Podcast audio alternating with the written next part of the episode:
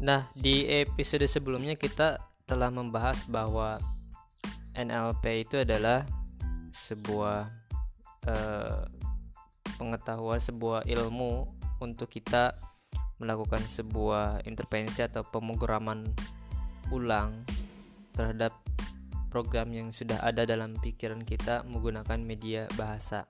Nah, di sini kita akan membahas lebih detail apa sih maksud pemrograman ulang. Jadi kalau kita asosiasikan ya, atau ibaratkan ya eh, dengan sebuah komputer ya berarti ketika ada suatu program maka bisa dilakukan uh, install dan uninstall, bisa di reinstall program yang baru.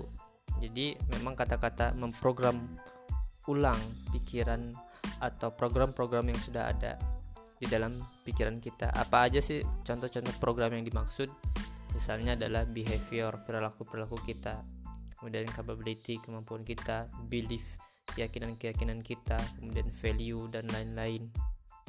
Contoh sederhananya misalnya apa sih program yang ada dalam pikiran tuh? Misalnya uh, mental block keyakinan kita bahwa kita tidak bisa sukses itu kan program gitu. Atau misalnya uh, saya memiliki semacam uh, emosi negatif terhadap seseorang misalnya.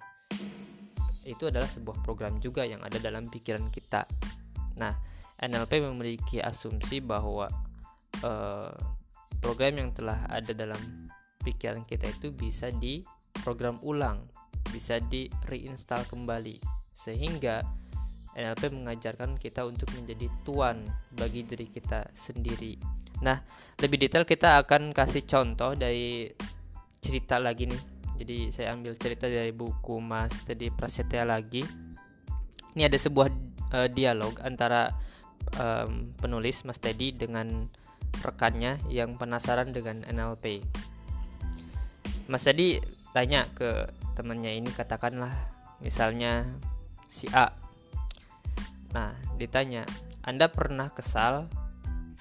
Tentu pernah uh, kata si A ini. Kemudian coba ceritakan salah satunya. Akhirnya diceritakan, hmm, terakhir kali kesal banget tuh sama tetangga, Mas. Nah, Mas tadi bertanya, bagaimana Anda bisa kesal? Kemudian dia menjelaskan, ya dia kan sedang membangun rumah tuh, berisik banget saya ingatkan agar tidak terlalu mengganggu tetangga, eh malah dia marah-marah, naik pitam saya. Nah, Mas tadi menanya balik.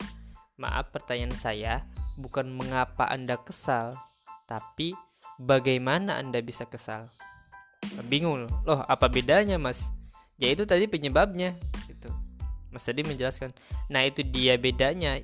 Saya tidak bertanya penyebabnya, saya bertanya gimana proses menjadi kesal itu masih bingung nih temannya Mas Teddy oh maksudnya gimana sih oke saya kasih contoh misalnya uh, kata Mas Teddy ada orang yang pada awalnya biasa saja tapi begitu mendengar nama orang tuanya disebut-sebut maka ia tiba-tiba naik pitam. Jadi prosesnya adalah mendengar nama orang tuanya disebut lalu dia naik pitam. Nah anda gimana prosesnya? Gitu. Si temannya uh, Mas tadi jawab oh gitu. Ya waktu dia bilang di mana-mana yang namanya membangun rumah ya berisik pak. Kalau terganggu pindah rumah saja dulu. Saya jadi naik pitam lah ketika mendengar itu. Nah digalilah sama Mas uh, Dedi apa persisnya persisnya yang membuat anda naik pitam? Masih bingung nih temennya. Maksudnya gimana mas? Oke. Mas tadi menjelasin saya coba uh, bilang ke anda uh, dengan kata-kata yang sama ya di mana-mana yang namanya membangun rumah ya berisik pak. Kalau mau pindah rumah saja dulu. Nah di, nanyalah mas tadi perasaannya gimana? Dijawab biasa aja mas. Nah kalau begitu apa yang membuat perkataan itu menjadi berbeda dampaknya? Ketika tadi saya yang uh, mengulang, mengulang, mengulangi kata itu dengan tetangga mas itu baru ngeh nih temennya. Oh cara ngomongnya itu loh. Nggak enak banget. Nada bicaranya sinis agak tinggi lagi. Nada intonasinya. Nah Mas tadi jawab. Nah itu yang saya maksud. Itulah NLP loh kok apa hubungannya gitu? Mas Mas uh, tadi jelasin. Gini NLP itu kan bagaimana Anda menggunakan bahasa atau kata-kata untuk mempengaruhi program di dalam neurologi atau pikiran kita. Nah, perasaan marah atau naik pitam itu tidak lebih dari susunan saraf. Anda baru saja menjawab sendiri soal program itu, yaitu ketika tetangga Anda berbicara dengan nada tinggi, maka Anda merespon dengan naik pitam.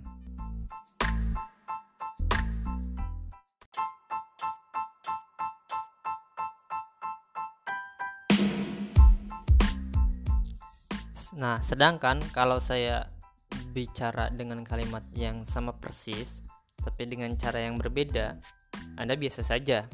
Jadi e, bisa disimpulkan sementara ini bahwa itulah program naik pitam Anda dengan mendengar kalimat tadi plus dengan nada yang sinis dan tinggi. Itu program e, naik pitam Anda. Nah, gitulah kira-kira NLP. Jadi dan program itu program dia yang tadi uh, marah itu bisa di reprogram kembali di di uh, reinstall kembali programnya dimodifikasi programnya. Misalnya kayak gimana? Karena kan sebenarnya permasalahannya permasalahannya itu sebenarnya ada dalam pikiran uh, teman Mas Teddy ini. Kalau dia masih menyimpan marahnya ya marahnya itu sebenarnya ada dalam pikiran dia permasalahannya bukan pada tetangganya. Tetangganya ya ada di rumah dia sendiri gitu. Lagi mungkin tidur dan sebagainya. Nah baga uh, intinya bagaimana program emosi mungkin di sini program emosi uh, yang tadinya marah menjadi berubah kan? Misalnya dengan melakukan uh, reprogram seperti ini. Tadi kan sebenarnya uh, kuncinya adalah ketika dia mendengarkan kalimat itu dan dengan nada tinggi nada sinis maka dia naik pitam Nah, kalau dia rubah misalnya dia bayangkan kembali kejadiannya yang tadi tetangga itu.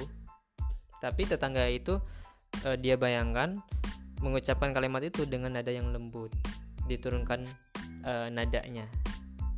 Nah, diulang-ulang sampai terbentuk program baru sehingga paten gitu. Maksudnya dalam paten itu e, menggantikan program yang lama, maka rasanya akan berbeda. Emosi marahnya akan hilang Nah, itu salah satu contoh bagaimana kita dengan NLP, NLP punya asumsi bahwa uh, kita bisa merubah program-program yang ada sebelumnya. Dengan NLP, kita dapat belajar menjadi tuan bagi diri kita sendiri. Nah, kemudian saya mau cerita uh, contoh lain pengalaman pribadi saya ketika saya dulu di S1 memiliki target untuk uh, lulus 7 semester atau tiga setengah tahun. Waktu itu di semester 7 uh, eh, saya sempat galau udah satu bulan masuk perkuliahan tapi saya gak gak maju gitu ngerjain skripsi sama sekali gak ngerjain gitu. Yang lain udah pada ngebut saya masih berkutat dengan diri saya gak ngerjain gitu. Dan waktu itu saya memiliki kesempatan uh, mengikuti sebuah workshop karena di sana saya menjadi IO nya workshop coaching uh, transformation with coaching NLP gitu kalau kalau kalau gak salah dulu. Jadi intinya mah coaching dengan berbasis NLP dari Mas Antonius Arif dulu ya alhamdulillah bisa bisa gratis uh, mengikuti karena waktu itu saya jadi IO nah singkat cerita uh, ada sesi praktek saya maju uh, untuk minta di coaching dan saya sampaikan mas ini saya udah satu bulan gak ngerjain skripsi padahal target saya mau lulus 7, 7 semester uh, di semester ini semester 7 gitu. Maaf tuh udah mepet. Saya pengen bisa lulus gitu. akhirnya di, di, digali uh, awalnya saya cerita oh mungkin mas ini karena kegiatan-kegiatan saya yang lain banyak gitu. Saya di organisasi waktu itu memang ada di organisasi mahasiswa uh, dapat sebuah tantangan teman-teman panitia mengadakan sebuah event di mana waktu itu panitia kehilangan uang 2 sampai 3 kali karena mengcancel uh, pengisi acara artis dan sebagainya lah. Waktu itu memang sempat ya menjadi banyak uh, pikiran jadinya gitu kemudian juga waktu itu nge-IO workshop Mas Antonius Ari pun waktu itu target peserta gak kecapai waktu itu target awalnya 10 gak kecapai awalnya mau ah, mau ngebatalin dibatalin tapi alhamdulillah negosiasi Mas Antonius Ari bersedia ngelanjutin. Jadi awalnya saya berkutat pada uh, hal itu mungkin karena manajemen waktu dan sebagainya sehingga saya gak, gak ngerjain tes uh, si skripsi ini gitu. Karena memang saya memiliki prinsip pengen uh, seimbang seluruhnya uh, antara antara semua bagian saya maksudnya tuh uh, aspek akademis organisasi dan pengembangan diri waktu itu. Akhirnya lebih didetailkan uh, dan mas waktu itu mas uh, Antonius Arif mengobservasi bahwa setiap saya berbicara kata-kata skripsi saya itu sambil ketawa. Jadi kalau kalimat lain biasa aja gitu cerita kayak gini. Tapi setiap ngucapin kata skripsi saya sambil tertawa oh skripsi. Nah itu terulang dan terobservasi oleh Mas uh, Antonius Arif waktu itu. Ditanya Mas Rian kok setiap mengatakan kata skripsi kok tertawa? Apa yang terjadi? Apa yang menyebabkan hal itu? Saya mulai mikir oh iya juga ya. Kenapa ya? Lama mikir dulu menghayati apa yang perasaan yang muncul. Oh ternyata mas kayaknya saya tuh apa ya ada perasaan menyepelekan skripsi itu. Kenapa menyepelekan? Emangnya kena uh, apa? Bagaimana prosesnya? Gitu. Saya tuh ngerasa oh mas ini setiap saya mengatakan skripsi itu yang kebayang itu saya adalah kantor Al Jamiah Al Jamiah itu kantor uh, universitas di di saya tempat kuliah gitu. Jadi bagian akademik administrasi dan keuangan untuk level univ gitu. Waktu itu kepikirnya al jamiah mas. Di detail kan kenapa dengan al jamiah apa apa gitu uh, yang yang muncul perasaan?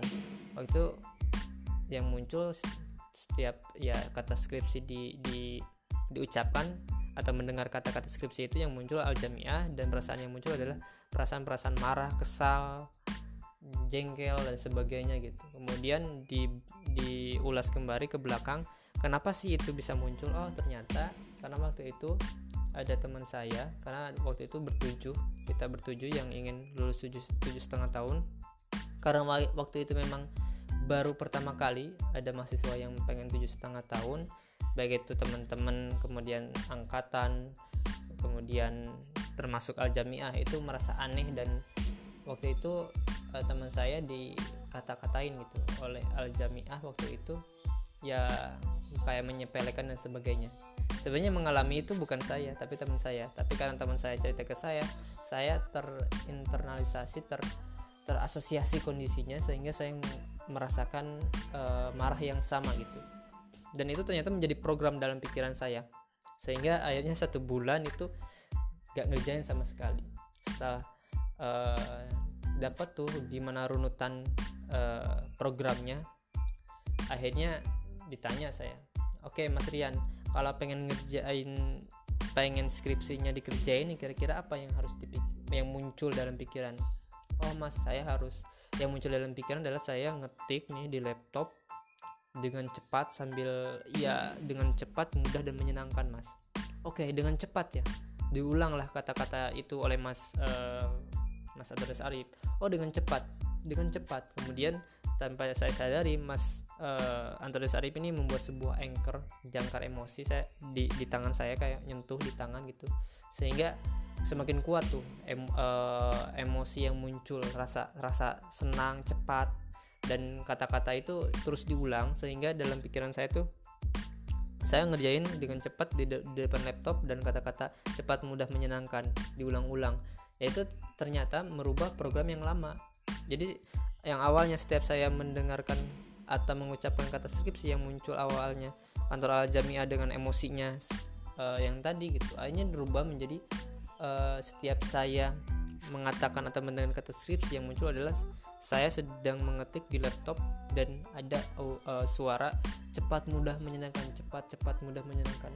Akhirnya setelah uh, di coaching atau di di di, di, di program uh, pikiran saya tentang skripsi itu alhamdulillah 2 sampai 3 bulan skripsi itu waktu itu beres itu jadi inilah pentingnya inilah uh, contoh gitu bahwa dengan NLP kita bisa memprogram ulang program-program yang ada dalam pikiran kita yang terkadang kita gak nyadar kita gak menyadari dan itu menghambat diri kita gitu nah bagaimana persisnya cara memprogram ulang? Kita akan bahas di episode episode, episode selanjutnya